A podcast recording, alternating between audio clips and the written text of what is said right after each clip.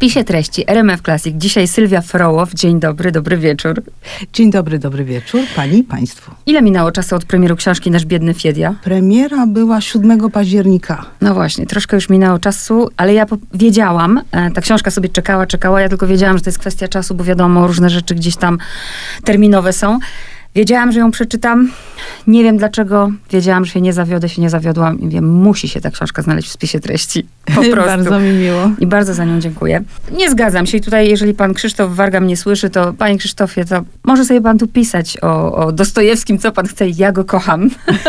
Nawet moja siostrzenica jest teraz w trzeciej klasie liceum i dosłownie tydzień temu chyba powiedziałam jej, wiesz, jak ja ci zazdroszczę tego, że to wszystko jest przed tobą, bo za chwilę będzie zbrodnia i kara. Ja pamiętam te fascynacje. Po prostu. I potem jak zaczęło się u mnie od zbrodni i kary, no i później już poszło. U Tak. pani było podobnie, czy... U mnie było podobnie. Zbrodnia i kara oczywiście właśnie jako lektura szkolna, tym bardziej, że ja chodziłam do klasy humanistycznej, ale bardziej wciągnęły mnie biesy. Bo ja jakoś ba- w niedługim czasie po zbrodni i karze... Tylko y, to wszystko już załatwiałyśmy sobie same bez lekcji. No bo Tak, wiadomo, że, tak. że na lekcjach bu- była tylko zbrodnia i kara, ale kto się zakocha, to rzeczywiście nie odpuści później. Tyle mam pytań, a mam świadomość, że ta audycja służy promocji książki, że o wszystkim nie porozmawiamy, więc powybieram sobie rzeczy, które mnie bardzo interesują i zacznę od takiej rzeczy jak ta data urodzenia. Jak to w końcu jest? No to zależy, który bierzemy pod uwagę kalendarz. Według kalendarza juliańskiego, czyli tego używanego w Rosji, to jest e, 30 października. To wolę, A według to- naszego wschodnie, e, zachodniego, gregoriańskiego, to jest 11 No listopada. to jednak skłaniam się ku naszemu. Jakoś ten 11 listopada bardziej mi pasuje. Y, zwłaszcza do jego osobowości, Tak. to prawda, tak, tak. Nasz biedny Fiedia. Ja się zastanawiałam, jak zacząć, bo nie o wszystkich tych kobietach porozmawiamy, ale myślę, że o tych najważniejszych na pewno. Ale zacznę od matki. Niby nie traci wcześniej tej matki, bo kiedy pomyślę o Kołakowskim, który stracił matkę jak miał 3 lata, no to wydaje się to niebywałą traumą. On miał lat 17, a jednak wydawałoby się, że to miało wpływ na całe życie. Miało. On niezwykle kochał matkę. Matka to był taki dla niego ideał kobiety. Ona w niego wpoiła miłość do Puszkina i oczywiście do Oniegina. I ta Tatiana z Oniegina to jest właściwie jego matka. To jest ten sam typ Rosjanki, z tą różnicą, że Tatiana niby urodzona jest na wsi, a mama Fiodora w Moskwie, więc jest miejską dziewczyną. No ale ja specjalnie dokonuję też tego porównania w książce, żeby uświadomić czytelników, że ta wizja tej sielskiej wsi, prawda, o której tak marzyła ta Tatiana, ma się nijak do tej rzeczywistości, w której żyła właśnie mama e, Fiodora, czyli Maria, po tym, kiedy jej mąż Michaił kupił dwie wsie i ona tam musiała osiąść na tych włościach i musiała się borykać z, z koszmarnymi problemami i, i wsi rosyjskiej. Więc to jest ta jedna historia. Druga jest taka, że mama była śmiertelnie chora na gruźlicę. W ostatniej ciąży jej zdiagnozowano tę chorobę. Ojciec był lekarzem, więc z jednej strony niby świadom mm, tego, co się dzieje z jego żoną, a z drugiej strony mężczyzna z bardzo trudnym charakterem. Człowiek taki gnuśny, introwertyk, oskarżający żonę o wszystkie swoje niepowodzenia życiowe. Młodszy brat Fiodora, który opisywał y, w dziennikach swoich, jak był świadkiem awantury, kiedy ojciec dowiedział się, że matka jest w ostatniej ciąży i oczywiście ją oskarżył, że to jest jej wina, że on już ledwo ciągnie z tak dużą rodziną i żeby jeszcze jedno dziecko było, tym bardziej, kiedy ona jest chora. A kiedy ona umarła, no to ten ojciec się poczuł tak zupełnie samotny i tak szalał, że tam wręcz y, Fiodor, który pisał do brata w liście, że ojciec wali głową o ścianę. Więc to, oczywiście to była ogólna rodzinna tragedia, ale no Fiodor, który no po prostu był bardzo takim wrażliwym dzieckiem, więc on oczywiście szczególnie dlatego tę śmierć tak przeżył. No i, i ta mama, i ten ojciec później występują jako postaci w jego utworach. Ojciec, ja też staram się dociec, na ile Na ile jest starym karamazowem, tak, tak? na ile Fiodor Pawłowicz Karamazow to jest y, y, mi, Michaił y, y, Dostojewski, na ile jest, a na ile nie jest, prawda? Tak. Bo ja też jednak próbuję udowodnić, że to nie jest on.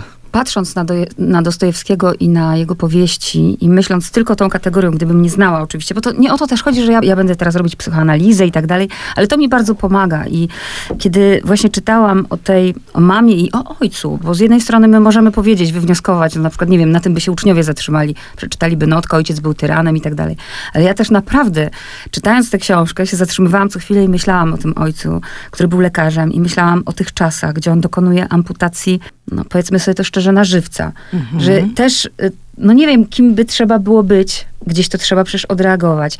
Jakby tego ojca też starałam się w tym wszystkim zrozumieć i to, jak bardzo jednak wpływa na to, kim jesteśmy, czym nasiąkniemy w dzieciństwie, że, że no po prostu nie ma od tego ucieczki, żadnej ucieczki. A teraz przeskoczymy, no bo ta rozmowa by musiała trwać, wiadomo, bardzo długo, żeby nie było tylko tak śmiertelnie poważnie. Otwieram sobie na stronie 42 e, zdjęcie, bo drodzy słuchacze, na pewno wiecie, że pani Sylwia, e, to oczywiście nie jest jej pierwsza książka, mm, ostatnia była o kobietach Czechowa. E, I celowo otwieram teraz to, to zdjęcie z Fiodorem z Petersburga z roku 1861. Jakby pani swoimi oczami oczywiście powiedziała słuchaczom, żeby sobie wyobrazili, jakże ten Dostojewski wygląda. Y, mężczyzna nie za wysoki, no nie bardzo szczupły, ale i też nie, nie jakiś krępy.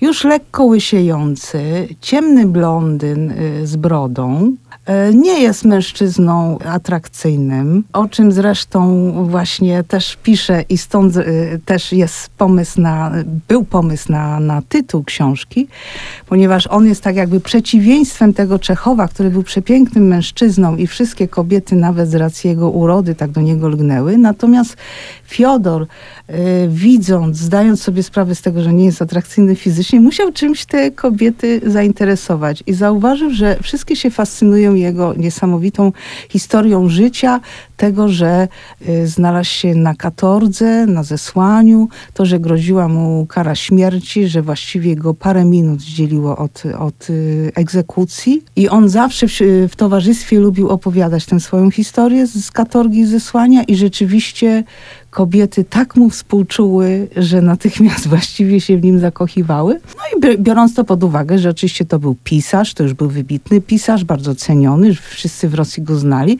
więc właśnie ten moment tutaj, co jest to zdjęcie, czyli to jest ten 861 rok, czyli to jest rok po tym, jak on zesłania wraca do Petersburga i od nowa znajduje się w środowisku literackim, E, zaczyna mieć spotkania ze studentami, właśnie szczególnie studenci go uwielbiają, bo wiadomo, że się tworzy ten cały ruch antycarski, nihilistyczny. Sam Fiodor nie, nie jest nihilistą, wręcz zaczyna mieć coraz bardziej konserwatywne poglądy.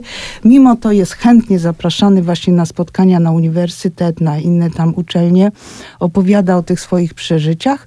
No i między innymi jedną ze swoich kobiet w taki sposób poznaje, jako wolną słuchaczkę. Nie chcę użyć tego słowa, że się dałam na to złapać. Na mnie to zrobiło ogromne wrażenie. Ja pamiętam, ja byłam wtedy właśnie w liceum i, bo to trzeba sobie wyobrazić, że on, tak jak pani powiedziała, to było naprawdę na minutę, oni już zostali wyprowadzeni. Jak się czyta Idiotę, to tam jest nieomal dokładnie tak. to opisane, to znaczy yy, książę tak. sam opowiada taką historię I, i to jest dokładnie wzięte z życia Fiodora, gdzie on tam odlicza, że, jest, że zostało mu dwie minuty, ile można zrobić w ciągu dwóch ostatnich tak. minut życia, że jeszcze możesz tutaj przyjaciela pocałować, tutaj przyjaciela uściskać, bo to są ci, ci jego druchowie, którzy razem z nim tam stali pod tą ścianą y, y, przed tym plutonem egzekucyjnym ta historia robi wrażenie, ale na mnie, mam nadzieję, że się nie mylę, ale tak, tak wnioskuję yy, tak, z pani książki, że, że tak naprawdę o głupotę poszło. On by w ogóle nie, mógł, nie musiał znaleźć się w tamtym miejscu, bo yy, on nie trafił do Pietraszewców ideologicznie, prawda, z jakimś tam bo tu chodziło o tę sytuację, w której zauważa go... Panajew. Tak jest. Iwan Panajew. Tak. A ten jest obrażony po prostu. Tak, chodziło o to, że bardzo szybko Fiodor zdobył y, popularność y, jako pisarz w Petersburgu. To był 1849 rok, on napisał Biednych Ludzi. Trafił tam do takiego najsłynniejszego salonu literackiego prowadzonego przez małżeństwo Panajewów i przez Iwana, poetę, i przez jego żonę Agafię, której natychmiast on się zakochał. Zresztą wszyscy tam przebywający artyści się w niej kochali, bo rzeczywiście była piękną kobietą. Jest jej zdjęcie w tak. mojej książce, można zobaczyć. I jednocześnie y, bardzo szybko on tak w wpadł w ten samozachwyt, że on jest tak wspaniały, że on pobije tych wszystkich y, na głowę, tych pisarzy, że oni się zaczęli z niego wyśmiewać. I on zamiast y, po prostu też y, podejść do tego tak z humorem, z ironią, to on bardzo to zaczął przeżywać, zaczął się z nimi kłócić i on więcej się kłócił, to tym bardziej oni się z niego wyśmiewali. To wszystko się działo na oczach tej cudownej Panajewej i on nie mógł tego znieść i, i, i właśnie jest historia, Panajew opisuje jak pewnego dnia, że po prostu on zniknął z tego ich y, salonu. Po jakimś czasie Panajew spotyka go na ulicy, woła go, bo go chce zaprosić na obiad, a Fiodor udaje, że go nie widzi i po prostu przed nim ucieka. I to jest ten moment, kiedy on trafia do grupy Pietraszewców, więc on rzeczywiście ideologicznie, mm. on nie, bo, bo on nie był nigdy tak naprawdę socjalistą. No ale wciąga się jednak w tę grupę, w klimat te, te, te, ten polityczny. No i tam oczywiście chodzi o odczytanie listu, który był, był zakaz odgórny carski, że za odczytanie tego listu y, krytykują. To był list Gogola krytykujący cara, że za ten list grożą bardzo wysokie kary. No i w związku z tym, że w tej grupie był agent, który doniósł do ochrany, to oni wszyscy bardzo szybko zostali aresztowani. No i stało się to, co się stało. Kobiety teraz. Ja mam takie wrażenie, że on, nawet nie tylko, że kobiety, ale w ogóle to był człowiek, który jak patrzę właśnie na to zdjęcie, ja nie wiem, ja w tych jego oczach, może ja chcę widzieć jakiś taki ogromny smutek. On nawet jak te ręce ma takie opuszczone, nie? To on wygląda taki właśnie nasz biedny Fiedia, którego tylko trzeba przytulić. Taki Fiedia, który potrzebuje atencji, żeby się nim zaopiekować, żeby ktoś go podziwiał, kochał. Takie mam wrażenie. Stąd ten, to jego kobiety, bo on no nie mógł być sam. Tak, stąd jest nawet taka jakby y, recenzja na stronie y, wydawnictwa dotycząca mojej książki, y, gdzie napisałam, że cały świat literacki tak. bohaterów jego książek to jest świat męski, ale w życiu realnym było dokładnie odwrotnie, czyli on musiał żyć wśród kobiet i on nie potrafił żyć bez kobiet. No i jest ta oczywiście niesamowita historia pomiędzy jednym a drugim jego małżeństwem, gdzie to jest bardzo krótki czas, ponieważ w 1964 roku umiera jego pierwsza żona a z drugą żoną bierze ślub na początku 67, czyli to jest przestrzeń trzech lat i w ciągu tych trzech lat on się zdążył pięciu kobietom y, oświadczyć. On po prostu strasznie Desperat.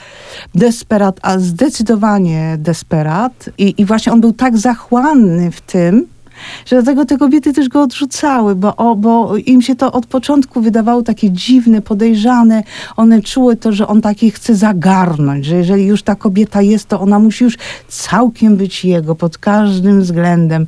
Więc były, a, a, a w związku z tym, że on sobie też dany typ kobiet wybierał i, i, i często to były kobiety właśnie te takie wyzwolone emancypatki, no to one nie mogły się zgodzić na coś takiego, prawda?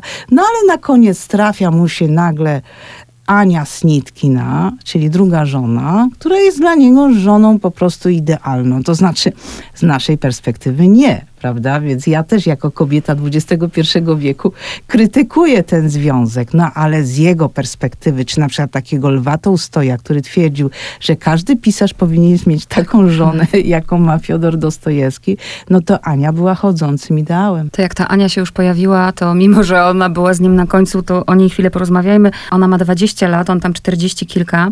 Anna jest wyjątkowa, naprawdę wyjątkowo wyjątkowa. Nawet wydaje mi się jak na tamte czasy, bo te inne kobiety też mają niezłe charakterki, o nich jeszcze porozmawiamy. Jakbyśmy ją, nie wiem, tak opisały charakterologicznie? Czy ona jest po prostu biedna, niedoświadczona, zakochana, on wielki pisarz? Czy, czy to już trzeba mieć takie cechy osobowościowe? Tak, to chyba były jej cechy, bo, bo też e, e, ja tam wcześniej troszkę nakreślam jej, jej życie e, sprzed poznania się z Fiodorem, gdzie ona jest bardzo mocno związana ze swoim ojcem i ten ojciec mocno choruje. Jednocześnie ojciec zdaje sobie sprawę, że ona powinna znaleźć jakiś zawód w życiu, żeby mogła się utrzymywać sama i stąd ona trafia na kurs stenotypistów, gdzie właśnie to ojciec ją tam kieruje. Po czym ona rezygnuje z tego kursu właśnie dlatego, że ona się musi tym ojcem y, y, zajmować i Ojciec nie chciał, żeby ona rezygnowała, a jednak ona twardo postanowiła, że dla niej najważniejsze jest w tym momencie opieka nad rodzicem. I kiedy ten ojciec umiera, to przynajmniej tyle, że ona idzie z powrotem na ten kurs i go kończy korespondencyjnie. No i to jest też powód, że później Tak. spoty, spotyka Fiodora na swojej drodze. Ale to, jest, to już jest dowodzi, że ona była osobą, która absolutnie potrafiła się y, drogiej osobie Poświęcić, poświęcić. tak. Zresztą pani to prawda? zaznacza, że to już dobrze zapowiada. Z drugiej strony, no jednak mocny charakter, bo w momencie, kiedy oni już są małżeństwem i oni wracają z tej długiej podróży zagranicznej i ona się staje jednocześnie tak, jego korektorką, redaktorką, wydawcą, menadżerką, prawda? Ona załatwia wszystkie jego sprawy, zwłaszcza finansowe i ona to robi świetnie. I nagle się okazuje, i to też jest dla, też dlatego Tolstoj powiedział, że każdy pisarz powinien mieć taką żonę, bo tu też chodziło o to, że ona tak dbała o jego interesy. Ona chyba jako pierwsza w Rosji wpadła na pomysł jakby przesyłkowej księgarni, czyli coś takiego jak my dzisiaj mamy Allegro, Tak. prawda? Więc ona, y, do niej zgłaszali się chętni i ona tam pakowała książki za opłatą i rozsyłała nie tylko po Rosji, ale i po całym świecie. No i tak jak Fiodor, który tonął zawsze w długach po uszy, oczywiście też związane to było z jego hazardem, ale nie tylko, bo i z tym, że cały czas utrzymywał rodzinę choćby Tak. brata zmarłego i też niesfornego swojego pasierba. I przychodzi ta Ania i ona jakoś to wszystko bierze w karby i po paru latach on wychodzi z tych długów, wychodzą na swoje. Jak e, czytałam, e, zaraz też podam konkretne przykłady, to naprawdę ona powinna zostać świętą, bo już nie mówię o tym, że po śmierci nigdy nie powiedziała o nim złego słowa i, i do końca jakby mówiła, że była z nim bardzo szczęśliwa, ale nawet jak myślę o, o początku ich znajomości i o, o tym małżeństwie, tak, klasycznie kobieta współuzależniona, no bo hazard no wiadomo, jest uzależnieniem. Bardzo dokładne te opisy, bardzo dokładne, tego, jak to wyglądało. To, co mnie też zdziwiło, że on jak na osobę uzależnioną naprawdę był z nią y, w pewnych momentach szczery, bo po prostu jej mówił, przegrałem. Chociaż Tak. pewne rzeczy tam wynosił z domu i tak dalej, ale ona nawet już w takich momentach, kiedy on powoli wyszedł, wychodził z tego hazardu, kiedy wpadał w te swoje doły, to ona mimo wszystko w tym widziała, jakby dawała mu te pieniądze, jedź, prawda, zagraj, poczujesz się lepiej. Tak, bo ona y, cały czas y, uważała, że to jest biedny Fiedia, którego trzeba leczyć. A i to był taki rodzaj jakby jej terapii. To znaczy ona uważała, że, że jak on już jest w tym y, nałogu, to nie można go z tego nałogu wyrwać, bo dopiero wtedy dojdzie do nieszczęścia. Pamiętajmy jeszcze, że on cały czas cierpiał na padaczkę, więc u, u niego każde jakieś mocne wstrząsy psychiczne wywoływały też ataki. Ona była doskonale tego świadoma, więc ona, nie, ona pilnowała, żeby do tego nie dochodziło. Więc ona wolała, żeby on już był w tym nałogu i ona go bardzo po prostu wspomagała i ona cały czas wierzyła w to, że on prędzej czy później z tego nałogu wyjdzie i wydawałoby się to absurdalne, ale rzeczywiście tak się stało. On przecież z tego nałogu wyszedł. Przez I to je- sen. Tak go przez, wys, wys, tak, tak przyszedł się we śnie ojciec i powiedział, że jeżeli on będzie dłużej grał, to mu dziecko umrze. I on Ale wtedy... strach jest też dobrą motywacją. A zdecydowanie. Z tym, że dzieci stracił tak czy siak, bo nawet już potem najpierw stracili jedno dziecko, a, a później, Później jeszcze drugie. Właśnie, tak. ale o tym pierwszym dziecku to też jest niesamowita historia. I w ogóle o tej, o tej ciąży. Ja sobie próbowałam wyobrazić to, gdzie oni tam podróżują po tych, tułają się naprawdę po tych pokoikach i jak ona jest w ciąży, jak wygląda ten, ten ich dzień, jak on tam ma, prawda, ten system, o której idzie czytać gazety, jak pracuje. I to, że on ją o drugiej w nocy budzi. Tak. To jest dla mnie w ogóle fenomen. Nie próbowałam sobie to wyobrazić, bo wiemy, że on pracuje po nocach i teraz jest druga w nocy, ona śpi, a on ją budzi, żeby jej powiedzieć dobranoc. I prawdopodobnie nie tylko, Tak. nie tylko powiedzieć dobranoc. I ona jest tak zmęczona, wykończona, żali się tam nawet, że nie może już spać do rana, a mimo wszystko nie, nie zaprzestaje tego. I jest nawet jeszcze gorzej, ponieważ on w pewnym momencie widzi, że on, bo to się przecież, ten Tak. rytuał odbywa się noc w noc. Ona jest w pierwszych miesiącach ciąży i on w końcu widzi to, że ona już słabnie. Ona sama pisze, że ona już była zielona na twarzy, że ona już miała plamy przed oczami, więc on jej się pyta, kochanie, ale może w końcu dajmy sobie z tym spokój. I ona mówi, nie, nie, nie, jak najbardziej jestem tak szczęśliwa, kiedy ty do mnie przychodzisz. No więc ja się pytam, on, ten znawca dusz, czy on w tym momencie nie zorientował się, że ona się na to wszystko godzi z miłości i to on powinien nad tym wszystkim zapanować i powiedzieć, kochanie, dajmy sobie teraz spokój. Jesteś w ciąży, poczekamy, urodzi się nasze kochane dziecko, wrócimy do tego. A on szczęśliwy przyjmuje to, że żona chce dalej I w dalszym ciągu tak, noc w noc to się rozgrywa, a żeby jeszcze było ciekawiej, to oczywiście on później y, za dnia śpi i jej nie wolno się głośno poruszać, bo jeżeli on by się obudził, to od razu wstrzymał awanturę. No i co się dziwić, że dzieciątko urodziło się słabiutkie, ledwie przyżyło trzy miesiące. No niestety to na pewno miało y, wpływ. Ale miał poczucie winy, bo później jak zaszła Miał, drugi raz w ciąży, miał. to wyciągnął wnioski. wyciągnął i już zupełnie wtedy po, podchodził do, do rodzicielstwa inaczej. Tak, i wtedy już przez całą ciążę o nią dbał. To Ja go nie podejrzewam, nie wiem, to jest moje oczywiście, ale nie podejrzewam go absolutnie o, o to, że on to robił świadomie, że on był jakiś wyrachowany. Ja mam wrażenie, że on po prostu nie umiał żyć inaczej, nie wiedział. Nie wiem, musiało, musiało mu życie pokazać. W ogóle on się też tak sugerował właśnie takimi troszkę z zewnątrz rzeczami, nawet, nawet chociażby tym snem. Pamiętajmy, że mówimy o XIX wieku, więc to jest też inne w ogóle myślenie mężczyzn, kobiet, Kobiet, tak. podejście do dzieci. Dzieci to też jest dopiero y, produkt XX wieku, że tak powiem. I niewątpliwie w takiej sytuacji, gdyby znalazł się Czechow, to by do tego podchodził zupełnie inaczej, ale on był lekarzem. Jeszcze weźmy to pod uwagę. Mhm.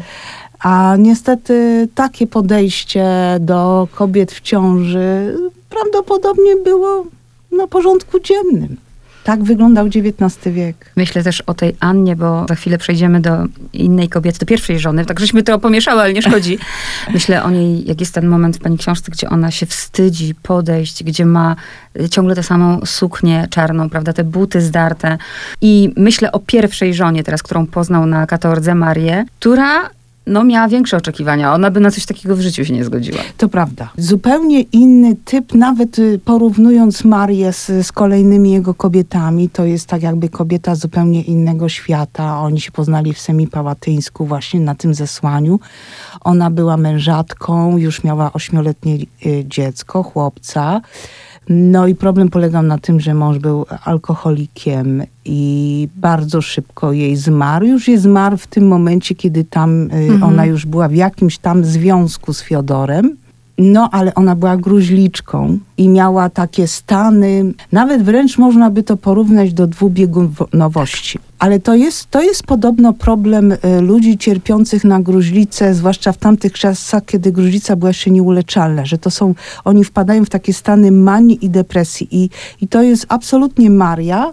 I zresztą dużo tych kobiet na, na, na kartach powieści Dostojewskiego, ty, ty, czy, czy to Katerina Iwanowna, czy to jest Gruszeńka, czy to jest Anastazja Filipowna, one mają te takie dziwne reakcje, te, te nagle się śmieją, nagle płaczą. To, to jest większość wszystko wzięte właśnie z Marii. To prawda, ona nie była uległa.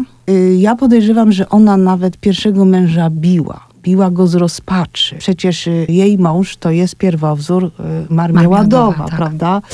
I tam też jest, że on, on był przez żonę bity. Ona, y, ona po prostu chciała być panią to, w towarzystwie i ani tego nie mógł jej zapewnić ten pierwszy mąż, urzędnik zapijaczony, gdzie tam w Semipałytańsku było, było towarzystwo, które nie bardzo ich chciało zapraszać z racji tego, że ten mąż był wiecznie pijany. A później znowu ona uważała, że jeżeli zostanie żoną słynnego pisarza, no to wreszcie wszystkie saleny się przed nią otworzą. A tu nagle się okazało, że ten Fiodor nie ma pieniędzy. I w związku z tym nie stać go na suknię dla niej. Tak. I ona też musi siedzieć w tym domu, tak jak siedziała przy tym pierwszym mężu.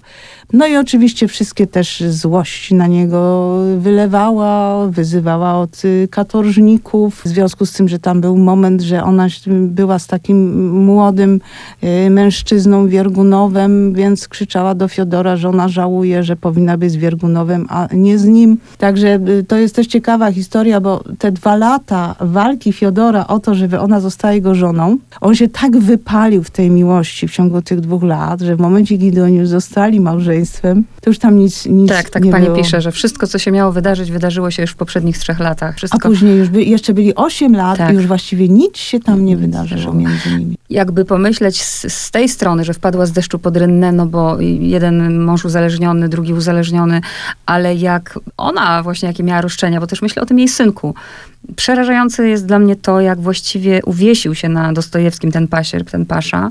Jak się, no nie wiem, może używam za dużego słowa, znęcał nad y, jego młodą żoną. I też jak y, oczekiwał, nawet jak kiedy już miał swoje dzieci, swoją rodzinę, że dalej po prostu będzie żył z, z pracy Dostojewskiego. Tak, no bo długi czas Fiodor nie miał swoich dzieci. Kiedy ożenił się z Marią, no to tenżeż Pasza miał 8 lat i Pasza uważał, że całe życie ojczym ma się nim zajmować, tym bardziej, że właśnie kiedy ta Maria zmarła, y, Pasza wtedy był nastolatkiem i całe życie oczekiwał tego, że, że tenżeż ojczym y, będzie na niego ułożył.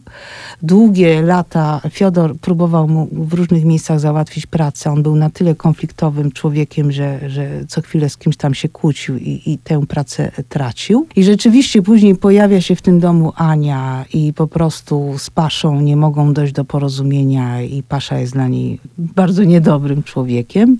No ale właśnie to, tu, tu muszę przyznać, że ten Fiodor mnie bardzo ujął tym, że z jednej strony właśnie jego najstarszy brat zmarł i została jego żona i dzieci i Fiodor się poczuwał do tego, że Mhm. musi się nimi zajmować i opiekować się finansowo. I z drugiej strony ten właśnie niesforny Pasza jednak też go nie porzucił, jednak też całe życie się nim zajmował, a Pasza też umiejętnie go potrafił właśnie emocjonalnie szantażować. Mhm. Więc to było tak, że Fiodor szantażował emocjonalnie, a nie, a, a, a Fiodora znowu Pasza, więc to się Wszyscy taki, taki, chorzy. Tak, jak tak, w, w emocjonalnie pomyśleć. tak, tak. Wszy- Wszyscy mieli jakieś poważne problemy. Na szczęście prawda. też y, mm, cieszę się, że w końcu powiedział nie. A skoro padło właśnie brat i, i że się opiekował, no to chcę zapytać, jak to w końcu było? y, Nie wynika te, to z tej książki, ale jednak zapytam wprost. Y, Było coś na rzeczy między nim a bratanicą Sonią? Wydaje mi się, że nie. Tylko, że, że to, nie jest, Mhm. e, to nie jest bratanica. Nie, to była siostrzenica. Siostrzenica. Mhm. Y, Co innego dzieci tego zmarłego brata Michaiła, a Sonia to była córka siostry Wiery. Tak, tak, tak. Wiera to była ukochana siostra Fiodora. Była jeszcze starsza Warwara i młodsza Aleksandra. Tam one były trzy dziewczynki, ale z Wierą on był najbardziej y, tak zaprzyjaźniony i też jest bardzo ładna historia, właśnie jego drugie, druga żona Ania opisuje, że jak już y, wpadła w to piekło tego domu y, petersburskiego, gdzie właśnie z jednej strony był ten pasza, a z drugiej strony właśnie ta wdowa po, po bracie, i jak Fiodor zobaczył, że ona już sobie z tym nie daje rady, to jej zaproponował, żeby pojechali do Moskwy do jego ukochanej siostry Wiery. I rzeczywiście pojechali tam na miesiąc i Ania tam odetchnęła. Bo zupełnie inna rodzina, Tak. wspaniała, kochająca się rodzina, wielodzietna, bo tam y, już nie pamiętam, chyba nawet z ośmioro było tych dzieci. I właśnie jedna z tych siostrzenic, y, Sonia, zresztą y, dokładnie rówieśnica Ani. I rzeczywiście między nimi było coś więcej, ale nie, nie, nie sądzę, żeby Mhm. aż trzeba było się doszukiwać jakichś tam podtekstów. Bo ona też, ona była jego wierną czytelniczką. Yy, ona lubiła się wypowiadać na temat jego książek. On ją bardzo uważnie słuchał. Ona mu dawała różne ciekawe rady. No a później doszło do konfliktu na tle majątkowym, bo po zamożnej ciotce e, Dostojewskich został majątek. No i tam doszło do, do właśnie do scysji pomiędzy Wierą a Fiodorem i Sonia wtedy stanęła po stronie matki i przez parę lat się z Fiodorem do siebie nie odzywali, ale później tam jak wyszła za mąż, to z powrotem jakoś tam do tych dobrych kontaktów między nimi powróciło. I jeszcze trzy kobiety, barwny okres między właśnie mm, jednym małżeństwem a drugim. Niezwykła kobieta, Apolinaria, zwana Poliną Susłowa, powiedzmy o niej parę zdań. Kto zna gracza, to od razu sobie skojarzy y, bohaterkę Polinę, bo to jest właśnie Apolinaria Susłowa. Też y, dużo młodsza od y, Fiodora. Właśnie była wolną słuchaczką na uniwersytecie. Poznali się podczas jednego z, z jego wykładów właśnie dla studentów. Bardzo szybko weszli w romans. On wtedy był y, mężem y, Marii, czyli pierwszej żony, która już mocno chorowała. Apolinaria była osobą bardzo apodyktyczną. Uważała, że on powinien się natychmiast rozwieść z Marią i wziąć y, z, z nią ślub. On tego nie chciał zrobić, bo jednak uważał, że Maria jest tak chora, że on musi się nią opiekować. No ale żeby chwilę pobyli razem, to doszli do wniosku, że najlepiej wyjadą za granicę. No i jest cała historia właśnie jak Polina pierwsza wyjeżdża do Paryża, do niej tam dociera Fiodor. W międzyczasie okazuje się, że Polina tam zakochuje się w pewnym Hiszpanii. W Salwadorze, tak. W Salwadorze. Fiodor przyjeżdża cały roznamiętniony, dowiaduje się od niej, przyjechałeś za późno, bo ja już jestem zakochana, więc oczywiście też z tego wynika wielki dramat. No ale później wyruszają w podróż y, y, po Włoszech są też w Niemczech. Y, to jest druga z tych kobiet, która też brała udział z nim w tym hazardzie. To znaczy, mhm. ona była bardzo, jak chodziło o uczucia, wymagająca, natomiast bardzo pobłażliwa, jak chodziło o jego nauk hazardowy. I rzeczywiście też przez długi czas było tak, że ona mu też dawała swoje pierścionki mhm. I, I, nawet jak już byli tam osobno, on do, do niej pisał listy, to ona potrafiła też jakieś tam kolczyki zastawić, żeby jemu y, pieniądze przysłać. No i później jest historia, że, że y, oni się rozstają. On jej zresztą też się oświadczył i ona odrzuciła tak. te y, oświadczyny już po śmierci Marii. I właśnie Ania, poznając się z Fiodorem, poznała się jako stereotypistka, która miała szybko mu spisać gracza. Więc Ania od początku wiedziała, wiedziała kto to mhm. jest ta Polina i ona właściwie przez całe życie uważała Polinę za swoją największą rywalkę i w swoich dziennikach pisała, że ona już woli nauk hazardowych tak. niż Polinę że Polina jest dużo bardziej niebezpieczna, co było nieprawdą, ponieważ y, w momencie, kiedy Fiodor się ożenił z Anią, to już naprawdę ta Polina do niczego mu nie była mhm. potrzebna. Natomiast ja opisuję do końca jej życie, tak, prawda, tak. bo ona później została żoną Rozanowa, I e, właśnie filozofa. Ja jej nie polubiłam od początku, a do tego momentu, w którym, bo tu właśnie zaraz powie pani o tym młodym chłopcu, że tak powiem, który jej nie kochał. On miał po prostu interes i to jak szalony interes i teraz możemy właśnie powiedzieć.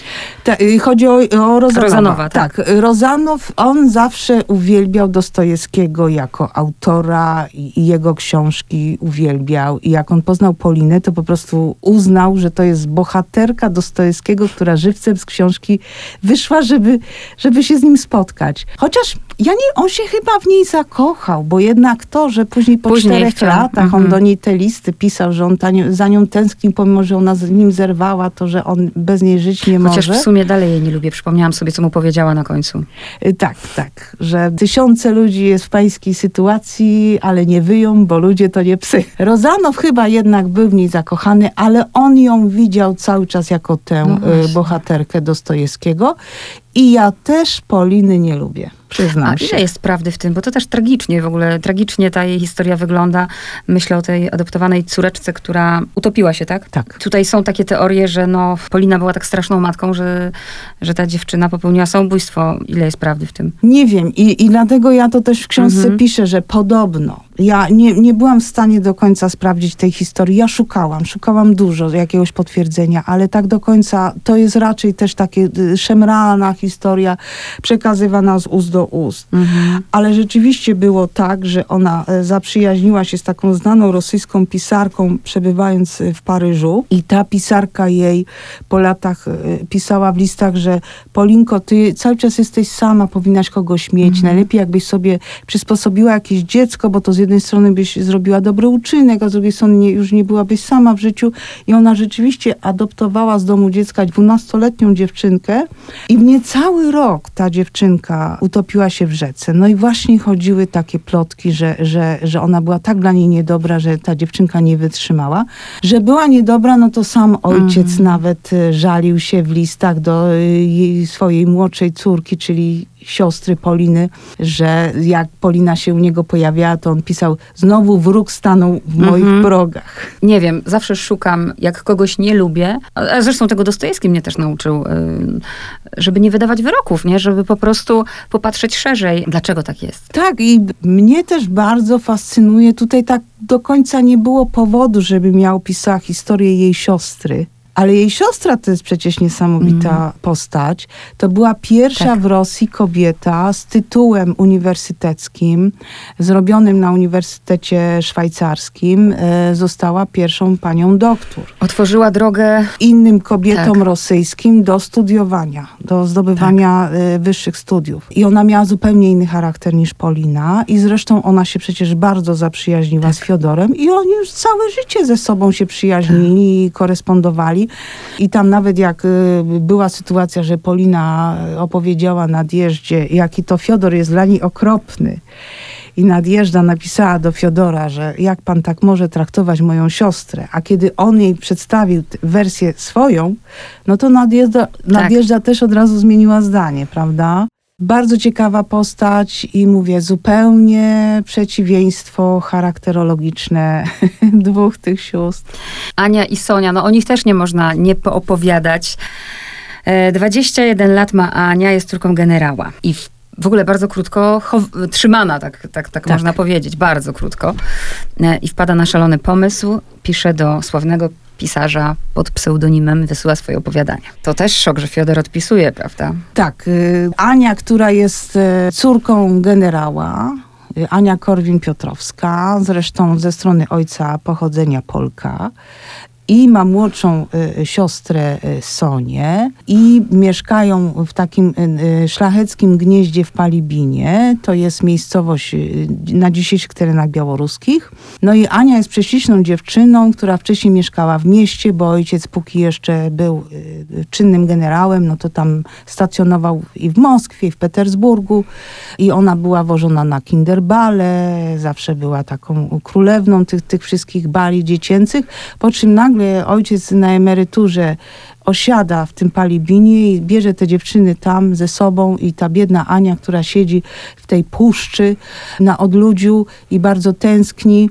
no i trafia jej do ręki pismo prowadzone przez Dostojewskiego i ona postanawia, że ona zostanie pisarką i pisze opowiadanie i wysyła do niego, ale z racji tego, że wie, jak może ojciec zareagować, to pisze pod pseudonimem i jeszcze jakby co, to adresuje w imieniu swojej niani i prosi Dostojewskiego, że jeżeli miałby odpowiedzieć, to że ma odpowiedzieć na adres niani.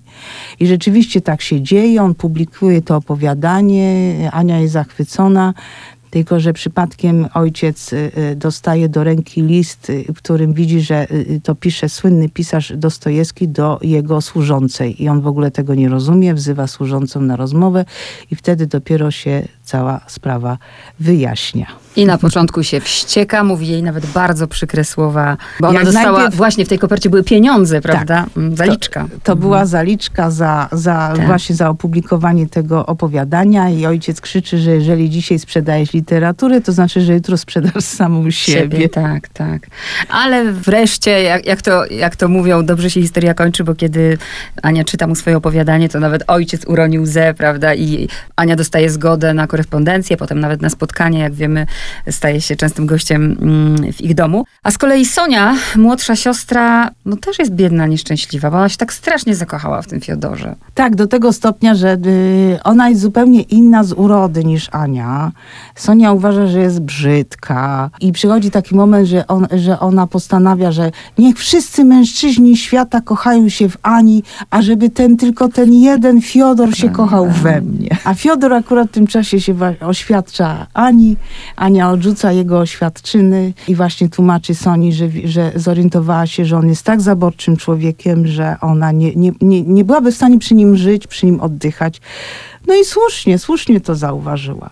Hmm. No ale tu chyba musimy powiedzieć, kim później Sonia została, no, prawda? No koniecznie. Oddaję głos. Ania została y, y, rewolucjonistką i y, wyjechała do Francji, tam poznała jednego z komunardów, Żana Jacquelarda i, i wzięła z nim ślub. Natomiast Sonia została słynną panią profesor Sonią Kowalewską, pierwszą w świecie kobietą z tytułem profesorskim, uczelnianym, wybitną matematyczką. I na czym mi w mojej książce zależało? Żeby pokazać, że tenżeż Dostojewski, który miał tak mocno konserwatywne poglądy, jednocześnie kochał się w tak, kobietach, które, które były emancypantkami, były feministkami, pierwszymi kobietami w Rosji, które zaczęły walczyć o to, żeby kobiety były niezależne, żeby mogły się wykształcić. To one szły w lód edukować lud, to one później zostawały słynnymi rewolucjonistkami. Jak myślę właśnie, kto dzisiaj, no, no dzięki pani, dzięki tej książce, ale też cały czas myślę, że tę książkę przeczyta jakaś tam banieczka ludzi, ale rzeczywiście kto o niej wie. A, a gdyby nie ona, to tak naprawdę Maria Skłodowska miałaby bardzo trudno. Nie? Tak, y, więc wybitny szwedzki matematyk, który zaprosił Sonię Kowalewską na swoją katedrę, żeby u niego y, wykładała w Sztokholmie, zawalczył o to, żeby Maria Skłodowska-Curie dostała Nobla, ponieważ za pierwszym razem, kiedy do Nobla został y, nominowany y, mąż Marii, czyli Piotr, o Marii nikt nie pomyślał, tylko Piotr był nominowany. A to właśnie Gustav Lefler dopiero zgłosił Marię, że ona y, y, ma takie samo prawo do y, Nobla jak i Piotr Curie. Myślę też o tym, bo w niedzielę, wczoraj była niedziela, był Dzień Feministek, a, a ta książka też pod tym kątem jest dla mnie bardzo ważna i aż mnie przeszło. Myślę oczywiście o Alfredzie Noblu i myślę o tym zdaniu, nie pamiętam, kto je wypowiedział, ale tak straszne było to zdanie. To, to był jeden z członków y, y, Szwedzkiej Akademii. Akademii Naukowej, że jeżeli dzisiaj przyjmiemy do Akademii kobiety, to na jakich zwierzętach skończymy. To tak. było straszne. I to był komentarz dotyczący tego, że Sonia Kowalewska tak. chciała na, przynależeć do Szwedzkiej Akademii Naukowej. To było straszne po prostu i właśnie pokazujące, no, Chciałam powiedzieć, jak było, a w sumie jak jest, w, jeszcze w wielu miejscach niestety. A jeszcze chciałam zapytać o Dostojewskiego, żeby teraz po prostu przejść od tego szczegółu do ogółu. On tak do końca też sobie zaprzecza, bo z jednej strony właśnie, tak jak pani powiedziałam, fascynuje się tymi kobietami, tymi nihilistkami, bo tak wtedy na nie mówiono, a z drugiej strony upewnia się, że Ania nie pali papierosów na przykład, nie? tak. Że nie jest tą nihilistką. Ja się tak też zastanawiam, czy właśnie on się może fascynował nimi, ale tak do, do, do kochania, zresztą on mówi, że na końcu, że miał, miał ogromne szczęście, to, no, to właśnie szukał, szukał już takiej Ani, nie? Trafiła mu się, można powiedzieć. Mm -hmm, mm -hmm. Tak, właśnie, to jest ten y, pierwszy dzień ich y, y, poznania się, Ani z, z Fiodorem i ona opisuje to y, we wspomnieniach, że on natychmiast ją po, poczęstował papierosami i ona odmówiła i on jeszcze sprawdzał, czy na pewno, czy ona nie udaje, tak. ale ona zapewniła, że, że ona jest niepaląca i że on odetchnął, bo to znaczyło, że ona na pewno nie jest nihilistką. No właśnie, nie? Tak. On widać już był trochę z tymi nihilistkami zmęczony, już na, chciał takiej prawdziwej rodziny, no i, no i w tym momencie się okazało, że Ania jest właśnie tym, tym ideałem, bo ona z jednej strony była właśnie z tego y, pokolenia tych kobiet lat 60., tak. więc idealnie właśnie z pokolenia tych nihilistek, po czym się okazało, że ona z jednej strony jest dosyć otwarta, jest y, i wykształcona, i oczytana, a z drugiej strony jednak nie jest taka niezależna i tam nie pluje na chodnik, nie pali papierosów, tak, tak. nie przeklina, bo to też... Y, tak, to, to było to... ważne dla niego. Pisze pani też w tej książce, bo zresztą tutaj pada wielokrotnie, że życie miał, y, mm, powieści pisał ciekawsze niż miał życie, że te wszystkie kobiety znalazły się w jego powieściach, poza Anią. I to tak pięknie wybrzmiewa, że o Ani napisał, zanim ją jeszcze poznał. tak. No właśnie, bo to jest ta nietoczka. Tak. Niezwanowa, prawda? No bo to y, głównie ja się oparłam na tym, co pisali specjaliści od literatury Dostojewskiego, że, że właśnie on te wszystkie kolejne kobiety osadził w tych swoich powieściach, a tej jego drugiej żony tam nigdy nie ma.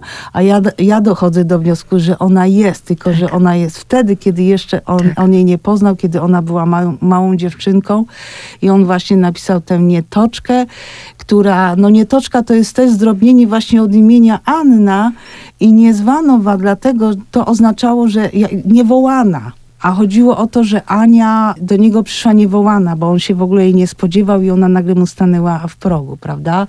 Oni zresztą sami też ze sobą żartowali, tak, tak. Że, że tylko, że Ania mówiła, ja jestem twoją nietoczką, a on mówił, ja nie chcę, żebyś była nietoczką, bo nietoczka była nieszczęśliwa. A ja to też porównuję w tym sensie, że ta bohaterka, właśnie ta nietoczka, ona była tak zakochana w, w ojczymie, e, który był w nałogu, że ona była w stanie mu wszystko poświęcić łącznie ze umierającą matką, więc to było to poświęcenie, które później ja też wypatrzyłam w jego żonie, w Ani, prawda? I też historia zatoczyła koło i to jest smutne, bo y, przecież na pewno nie chciał być taki jak ojciec. Ojciec mam na myśli to, no bo to bardzo przykre było, kiedy jego własna matka właśnie była w ciąży i ojciec ją podejrzewał o zdradę, a później, no sam był chorobliwie zazdrosny. Można powiedzieć, stał się taki jak ojciec. Ale to też jest ciekawa sytuacja, że przecież i Maria, i Polina, które go zdradzały. I on wręcz wchodził w to Tak. i, i, i tam jakiś był, tworzył się trójkąt do tego stopnia, że Fiodor się y, oferował, że on będzie pośrednikiem. Tak. I żebrał właściwie o to. Tak, o to, żeby o to, być w tym Tak. trójkącie. Po czym przychodzi to małżeństwo z Anią i ta Ania nigdy w życiu go nie zdradziła. Natomiast on cały czas obsesyjnie ją też oskarżający, że gdzieś tam ktoś na nią popatrzył w towarzystwie, więc na pewno Tak. ona już tam ma romans i urządza jej nieprawdopodobne sceny zazdrości. Więc to jest też dziwne, że kiedy ta zazdrość, kiedy Tak. on miał powody do tej zazdrości, to on wchodził w te układy, a tutaj żadnych powodów nie było, a on sobie sam jakieś roił e, e, sytuacje. Na koniec e, kontrowersyjne pytanie, wiem, tutaj nie odpowiemy dogłębnie, przeczytacie, drodzy Państwo, w książce. Jest coś na rzeczy z tą pedofilią. To znaczy, no ja cały przecież temu poświęciłam rozdział, Rozdział. prawda? No, Dlatego proszę o taki, takie podsumowanie, a w rozdziale już sobie każdy, każdy przeczyta. Tak, nie? tak. To jest historia, która całe lata mnie nurtowała. Czyli oczywiście głównie chodzi o, o ten rozdział u Tichona Biesach, gdzie Stawrogin gwałci matrioszę. Ja całe życie się zastanawiałam, czy to jest prawdziwa historia wyjęta z życia Fiodora Dostojewskiego. Tym bardziej, że znałam korespondencję jego znajomych, którzy to komentowali między sobą i pisali, że dość, że to zrobił, też się tym chwali. I postanowiłam, że wreszcie przyszedł ten czas, jeżeli piszę książkę o kobietach Dostojewskiego, to wreszcie muszę się tym y, tematem zająć. I okazało się, że Rosjanie też się solidnie, zupełnie w niedawnych czasach tym zajęli, więc ja miałam dosyć dużo fajnych rosyjskich materiałów na ten temat. No i stąd moje przemyślenia. No ja nie chcę tutaj tak wprost No, no, mówić, no, do no, jakich no, no. przemyśleń na końcu Dlatego dochodzę. ja może na, nawiążę do tego 11 listopada, dlaczego mi to pasuje. A na koniec osobiste pytanie, mm, bo bardzo mnie ciekawi. Sylwia Frołow, czy to są jakieś korzenie z filozofem, z pisarzem, korzenie rosyjskie u pani? Korzenie rosyjskie tak, ponieważ mój dziadek był Rosjaninem, Dmitrij Frołow. Y, Był y, z białych emigrantów. Y, W, Krakowie znalazł się w, w, międzywojniu. Tutaj przyjechał z Petersburga i tutaj studiował na Uniwersytecie Warszawskim. E, Jagiellońskim. Na Jagiellońskim i tutaj na uniwersytecie poznał się z moją babcią. A jego ojciec y, był pułkownikiem w, w armii Wrangla i został przez bolszewików rozstrzelany w 20 roku na Krymie pod Symferopolem. Także- Czyli cały, cały, można powiedzieć, nasiąkała pani całe życie tym, że ta miłość taka ogromna jest. No tak, tak, oczywiście. No to, ym, to co dalej? Mamy Czechowa, mamy Dostojewskiego. Jestem w trakcie rozmów y, z moim drogim wydawnictwem, czyli y, z Czarnym. Na pewno będzie następna książka, tym razem chyba jedna duża biografia, czyli coś podobnego jak wcześniej pisałam y, Dzierżyńskiego, Feliksa mhm. To, to tym razem też będzie coś dużego. Je, jeszcze, jeszcze nie chcę powiedzieć Mhm. konkretnie, bo, bo jesteśmy w trakcie rozmów. No to w takim razie mam nadzieję, że już zaproszenie pani przyjmuje.